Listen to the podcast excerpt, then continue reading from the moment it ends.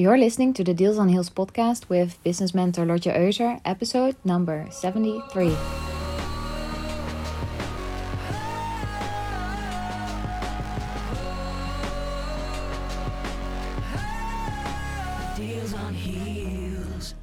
Welcome to a new episode. My name is Lotje Euser and I'm a business mentor for entrepreneurs and companies who want to fall in love with sales and create customers for life.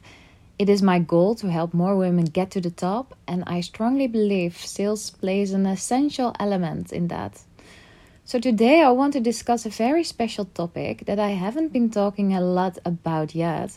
But I had this coaching call today with one of my clients, and we started talking about relationships.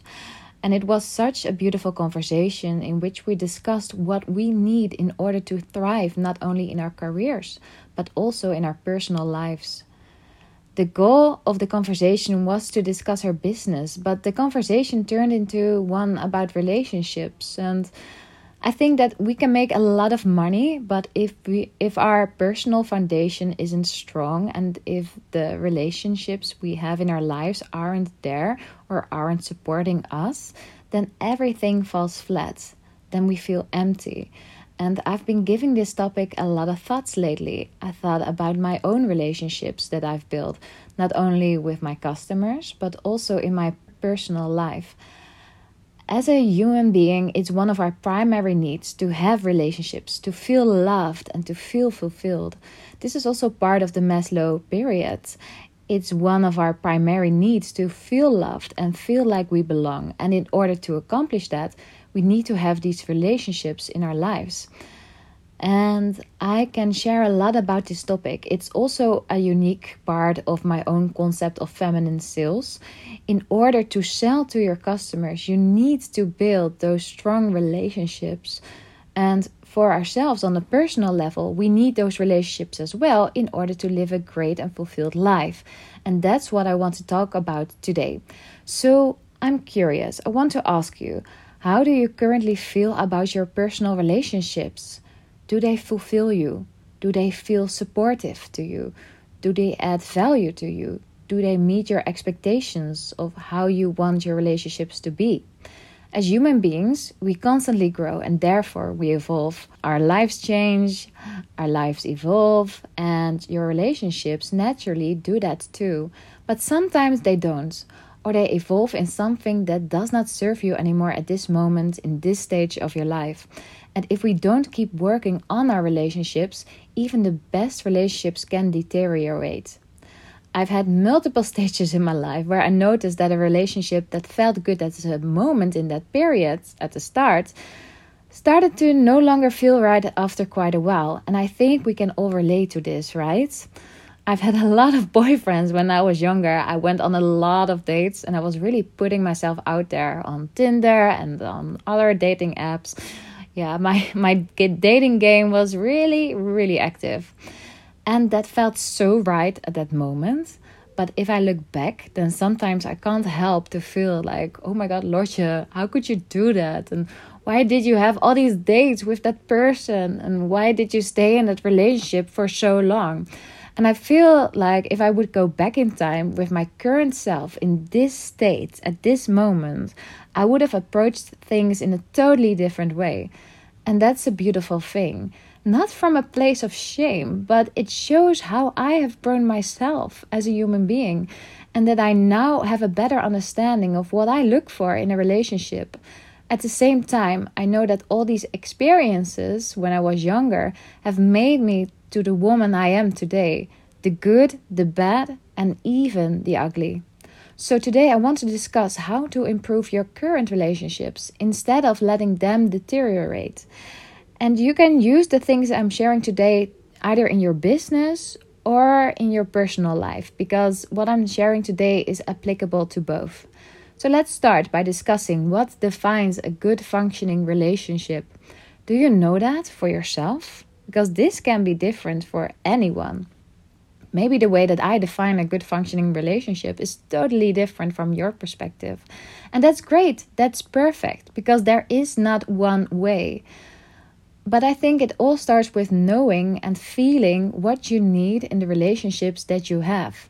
It's so beautiful how this relates to sales as well because in sales you can't build relationships if you don't know what you want to get out of it and you don't know what the customer wants to get out of it. So what do you need? And how does that vary per relationship type it can be that in a romantic relationship you need support and love and connection and intimacy. But when it comes to friendships, it can be that you need love and support as well, but also common hobbies or activities you want to do together. Once you know what you need in your relationship and you see that at certain points in that relationship the relationship isn't actually fulfilling you, then it's time to wonder okay, so what causes that feeling? Do you feel like you're not being supported? Do you feel the lack of common interests? Do you feel like you're not able to spend enough time together? A relationship can only function if the two people who are in the relationship both contribute to it. It takes two to rumble. You can't rely on one person to make the relationship a success. The same counts for sales. I can't take full responsibility for my actions and the actions of my customers. My customers need to take responsibility as well. They need to act as well. Otherwise, it feels a bit like beating a dead horse. And I must say, I'm a very responsible person, and sometimes I tend to take on responsibilities myself that actually don't belong to me. And my coach told me the next thing, which really helped me with this, she said, You and the other person are both part of the equation. You bring A, the customer brings B, and together that will lead to C. But if B is missing, that's not your responsibility. It is your responsibility to express to the customer what is missing to get to C. But you cannot take ownership and responsibility for things that don't belong to you. And this brings me to the following thing because you can feel like you're contributing a lot to this relationship you're in right now, while your partner or your friends may feel otherwise. So, the next step is do you know from each other what both your expectations are for this relationship? I would always advise you to manage the expectations on both sides, and this is something that I discussed with my current boyfriend as well not only at the start of our relationship, but also meanwhile. To really get to know what he was expecting of our relationship, I asked him, What do you need from this relationship? What do you expect from me? What do you think is important? And how do you feel about our current relationship? Because I was really curious and I wanted to manage the expectations in order to build an even better relationship. And I think since we all evolve, that it's super important to keep having these conversations, not only at the start of our relationships, but also during our relationships. And again, if I make the link with sales, if you have a customer, it's so important to keep that relationship strong and to keep on managing the expectations. And to stay curious about if they're still happy with your services or your product. So, for example, in my case, I always ask my clients after a coaching session how they feel about their session. And at the end of a program, I ask them, What do you think of this program? Did it meet your expectations? And I ask this not to react, but to listen and to learn.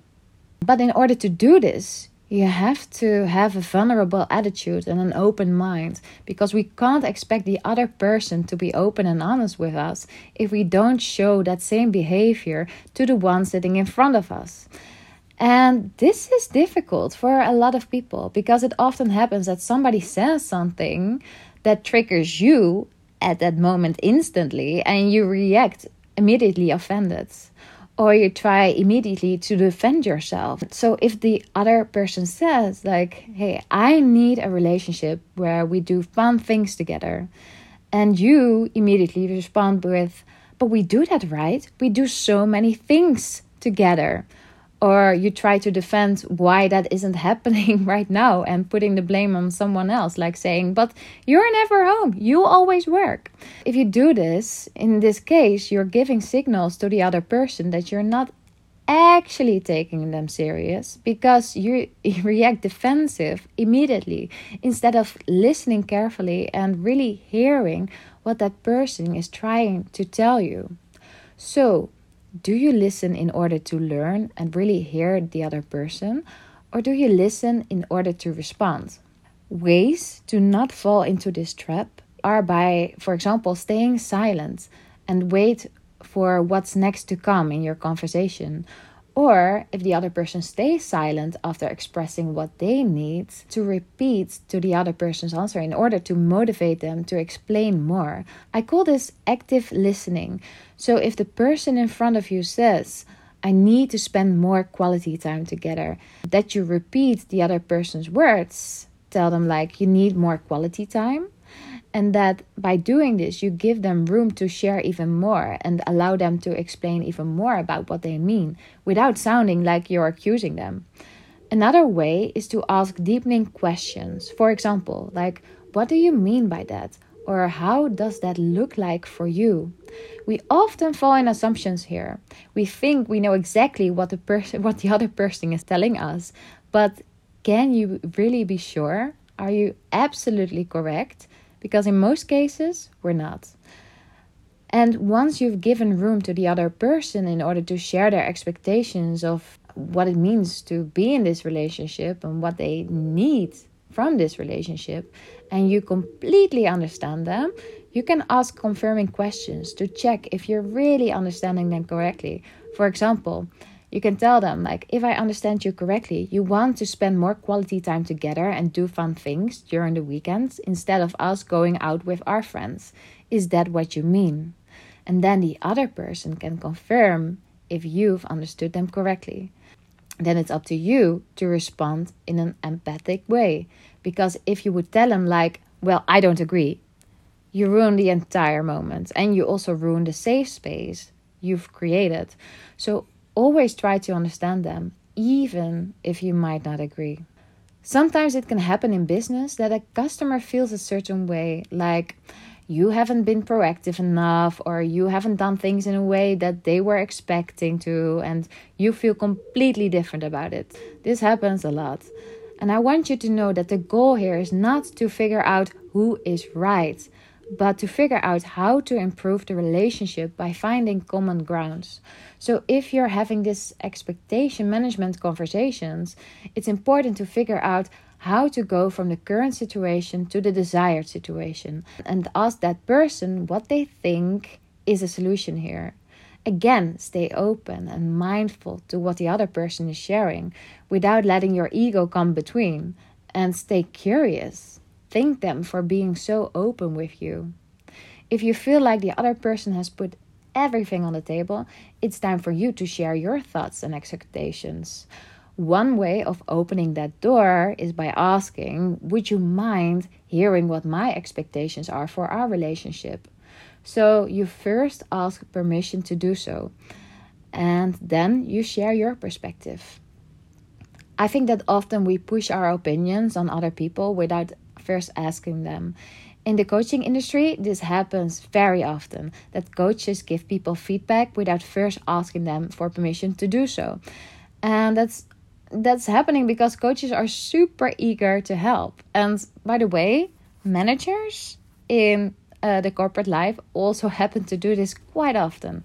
But realize that in order to create a safe environment, and to improve the relationship, you always need to prepare that person and ask them for permission to share your thoughts. The beautiful thing here is that if you took the initiative to give space to the other person's story, this will motivate them to give that space back to you because you've already created those conditions for that conversation yourself by letting them speak and by active listening to them and by uh, confirming their expectations and, and showing them that you understand what their expectations are. But if that doesn't happen, however, then notice that and share that with them and telling them, like, it's important for me to share my perspective. Can you give me that room to do so right now? I've had a few sales calls in my career where customers try to interrupt me, and I must say, This doesn't happen very often because I really take the lead in sales calls. But sometimes you have these people who are just like the worst listeners in the world and uh, who interrupt you during the conversations. So, the way that I handle that is by staying quiet the moment they interrupt me, or just by asking, like, can I finish what I'd like to share? Because people often don't notice that they interrupt others. And if you share your thoughts from your side, then keep it personal. Don't make this about the other person. It's about you and your needs. So instead of sharing, you never support me when I try to follow my dreams, which will obviously make the, make the other person feel offended, it's better to say, I need to feel supported. And I feel like it's difficult for me to feel supported by you when I'm trying to follow my own dreams. In that way, you share, it's about you and your feelings instead of attacking or blaming that other person instantly. Remember, it takes two to improve a relation, right? So you both are responsible for improving your relationship in order to have the best relationship experience ever. And this takes practice. These are not easy topics I'm discussing today because active listening it's really a thing.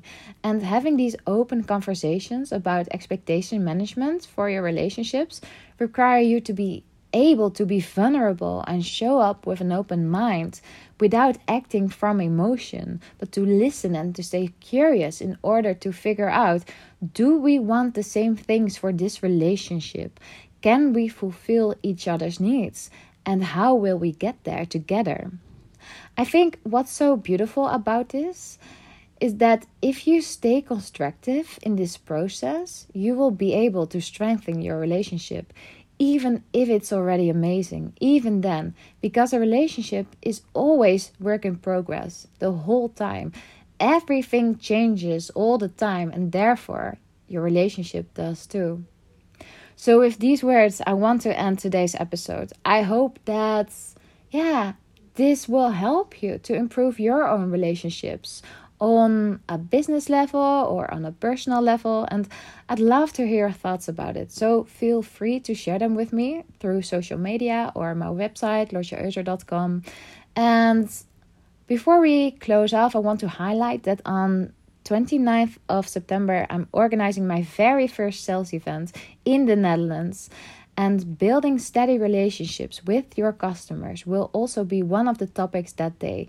I can already tell you, with all the preparations my team and I have been doing, it's going to be super amazing and will really help you to bring your sales to a higher level. So if you're interested, then get your ticket via lotjeeuser.com slash elevate. I'd love to see you there. Have an amazing weekend and talk to you soon.